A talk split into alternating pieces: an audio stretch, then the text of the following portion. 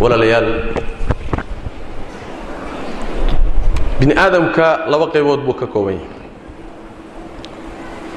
Qaybta hore waa jidhka qaybta labaadna waa ruuxda iyo nafta ku jirta. Ruuxda ku jirta allahu aclam arrinteeda wax badan lagama oga. Ilaahay baa qur'aanka kariimka wuxuu ku yidhi ruuxday wax kaa weydiinayaane waxaad tidhaahdaa ruuxdu waa amar alle wax badan lagama yaqaano ruuxda ayaa ka muhiimsan jidhka. Ruuxdu waxay u baahan tahay tarbiye iyo in laga shaqeeyo. Hadday hagaagtana jidhku waa raacayaa oo noloshu waa hagaagaysa. Hadday hallaabto kharribantana jidhku waa kharrimaya waa wasakhoobayaa. Macnahaasaa qur'aanka kariimkii noo tilmaamaya allah tabaaraka wa tacala wuxuu tilmaamay nafta bini aadamku inay xumaanta aad u amarto hataa in yar ma ah ammaara calaa wasni facaala. Waa aad bay xumaanta u amartaa. Naftaasi marka waxay ku xidhan tahay liibaantaada iyo khasaaradaadu.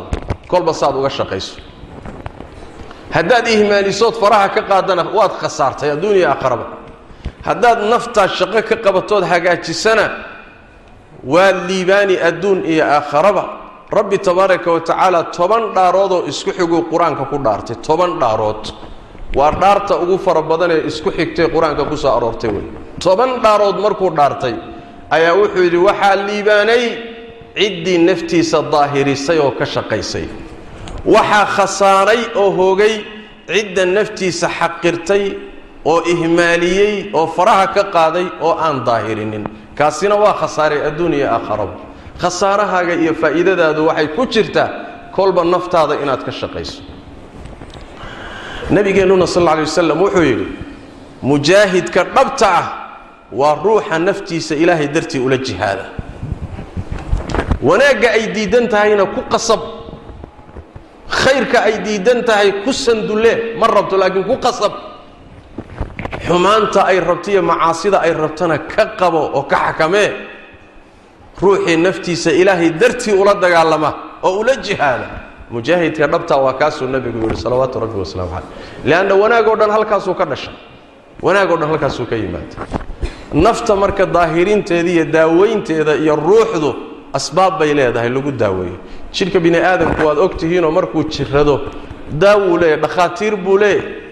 Jidhka bini aadamku wuxuu leeyahay daruuraad uusan ka maarmin jiritaankiisa cunitaan cabbitaan hoygii daruuraad buu leeyahay naftuna sidoo kale waxay leedahay quud bay leedahay waxay cuntay leedahay waxay ku noolaatay leedahay waxay leedahay markay jirato wax lagu daaweeyay leedahay. Asbaabta ugu muhiimsanee loo baahanya waxaa ka mid inaan ku dadaalno oo nafta daahirinaysa inaynu la nimaadno iimaan sax ah. Rumayn ilaahay la rumeeyo. Mabaadidii waaweynada iimaanka la rumeeyo. Alle keligiioo lagu xidhmo wixii ka soo hadhay oo makhluuqoo laga jeedsado mabda'aasi waa mabda'a ugu muhiimsan ee ruuxda nooleeyee nafgeliya iyada lafteedaa nolol u baahan ilaahay waxyigeeda waxyigiisiiyo iimaankaa nooleeya. Waa qodob. Maaddada labaad ee noolaysaay waxay tahay ruuxda taskiyaysee daahirisa ayaduna waxa weye waa qur'aanka kariimka ah barashadiisa iyo akhrintiisa iyo muxuu ahay ku dhaqankiisa nafta ayuu daahiriyaa saas daraaddeed buu allah wuxuu ku magacaabay qur'aanka oo dhanba ruux baa lagu magacaabay. Waxyigaba ruux baa laga dhigay. Liannahu yuxyi larwaax ruuxduu nooleeyaa oo daahiriyaa. Waxaa ka mid ah mawaadda ka qayb qaadanaya inay ruuxdaadu daahir noqoto cilmiga shareecada.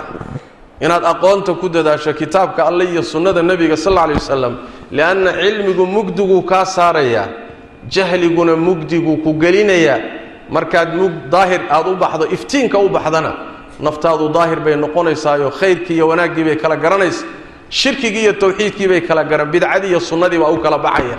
Jidcad bay haysaa markaa cilmigu marka dariiquu kuu iftiiminaya qalbigaagana waa nuurinaya. Saas daraaddeed baa rabbi yidhi tabaaraka wa tacaala allahu nuuru samaawaati waalard maalu nuurihi ka mishkaat. Ubay ibnu kacab wuxuu ku fasiray maalu nuurihi fii qalbi lmu'min nuurka ka baxaya qalbiga mu'minka ayaa laga hadlayaa. Marka nuur iyo iftiin buu ku siinaya cilmiga waxaa ka mid maadooyinka ku anfacaya naftaada aad ku daahirin ood ku taskiyeyni waxaa ka mid inaad taacaadka iyo khayrka badsato. Salaaddu waxay daahirinaysaa nafta. Sadaqadu waxay daahirinaysaa nafta. Xajku wuxuu daahirinayaa nafta. Wanaagoo dadka la fariyo xumaantoo laga reebo waxay daahirinaysaa nafta. Sakadii sadaqadu sidoo kale khayraadkaasi nafta ayay daahirinayaan oo naftii bay nadiifinayaan oo xumaantay ka saarayaan. Mid walba meel gooni ah iyo qayb gooni ayuu nafta ka qaabilsan yahay. Mid bakhaylnimaduu ka daahirinayaa mid sabir la'aantuu ka daahirinayaa mid wuxuu ka daahir midba waxbuu ka daahirinaya nafta ka hagaajinaya. Marka daacada rabbi tabaaraka wa tacaala inaad ku dadaasho. Waxaa ka mid a inaad ilaahay aayaadkiisa kownka aada uga fikirto ood u fiirsato. Dhulkani suu u yaallaa samadani say u dhisantaha bal buurahani fiiri say u taagtaagan yihiin.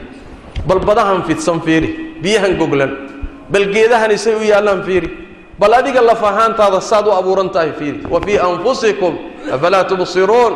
Bal naftiinna fiiriya miyadan arkaynin aayaadka rabbaaniga ah ee mid walba gooni kuu tusayso allihii abuurtay tabaaraka wa tacala iyo awooddiisa.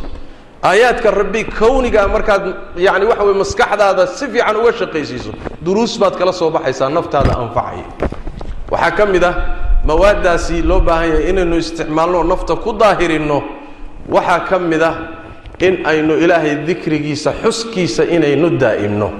Oo carabkeennu mar walba uu ka qoyanaado ilaahay dikrigiisa. Subxaana allah alxamdu lilah laa ilaaha ila allah laa xawla walaa quwata ila billah.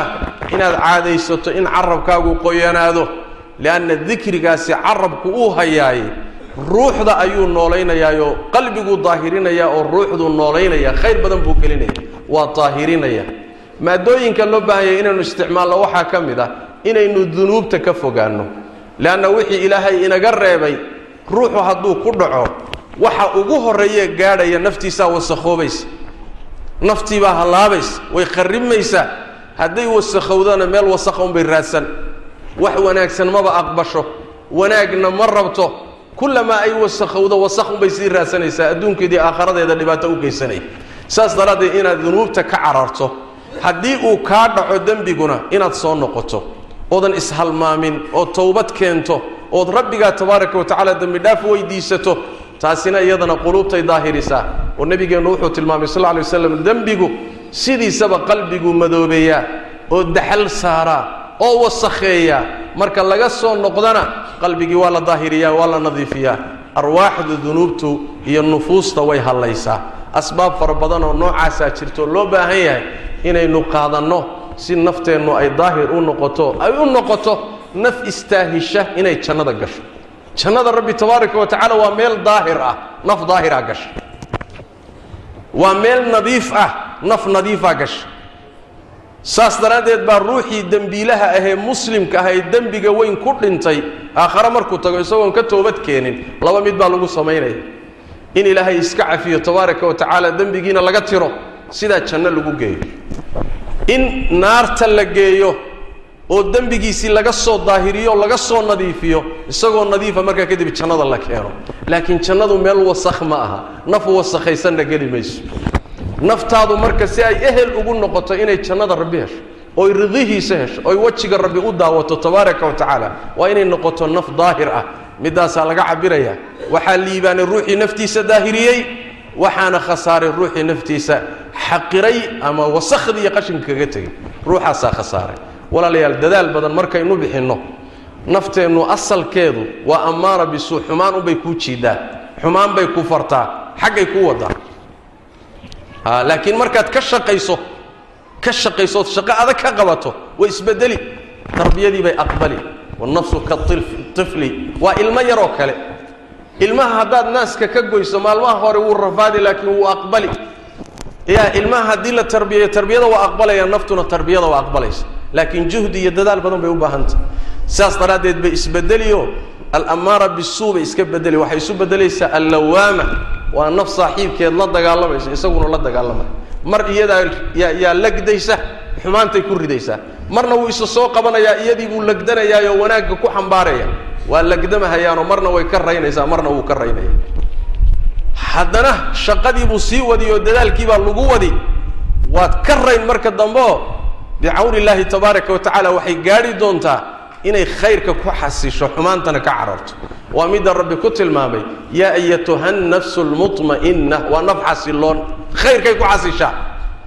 Dhibaatooyinku markay yimaadaan salina allahuma salli wasallim wbaarik calaa cabdika warasuulika muxamed وعلى آله وصحبه أجمعين وارض اللهم عن الصحابة والتابعين وتابعيهم ومن تبعهم بإحسان إلى يوم الدين اللهم إنا نسألك الهدى والتقى والعفاف والغنى ربنا ظلمنا أنفسنا وإن لم تغفر لنا وترحمنا لنكونن من الخاسرين اللهم إنا نسألك الخير كله عاجله وآجله ما علمنا منه وما لم نعلم ونعوذ بك من الشر كله عاجله وآجله ما علمنا منه وما لم نعلم اللهم اغفر للمسلمين والمسلمات والمؤمنين والمؤمنات الأحياء منهم والأموات برحمتك يا أرحم الراحمين اللهم آت أنفسنا تقواها وزكها أنت خير من زكاها أنت وليها ومولاها اللهم أعز دينك وسن اللهم أعز دينك وسنة نبيك يا أرحم الراحمين اللهم أعز كتابك وسنة نبيك يا حي يا قيوم اللهم أعز الإسلام والمسلمين وأذل الشرك والمشركين ودمر أعداء الدين يا رب العالمين اللهم من أرادنا والمسلمين بسوء فأشغله في نفسه ورد كيده في نحره واجعل تدبيره في تدميره يا أرحم الراحمين اللهم إنا نعوذ بك من علم لا ينفع ومن قلب لا يخشع ومن نفس لا تشبع ومن دعوة لا يستجاب لها وسبحانك اللهم بحمدك نشهد أن لا إله إلا أنت نستغفرك ونتوب إليك وأقم الصلاة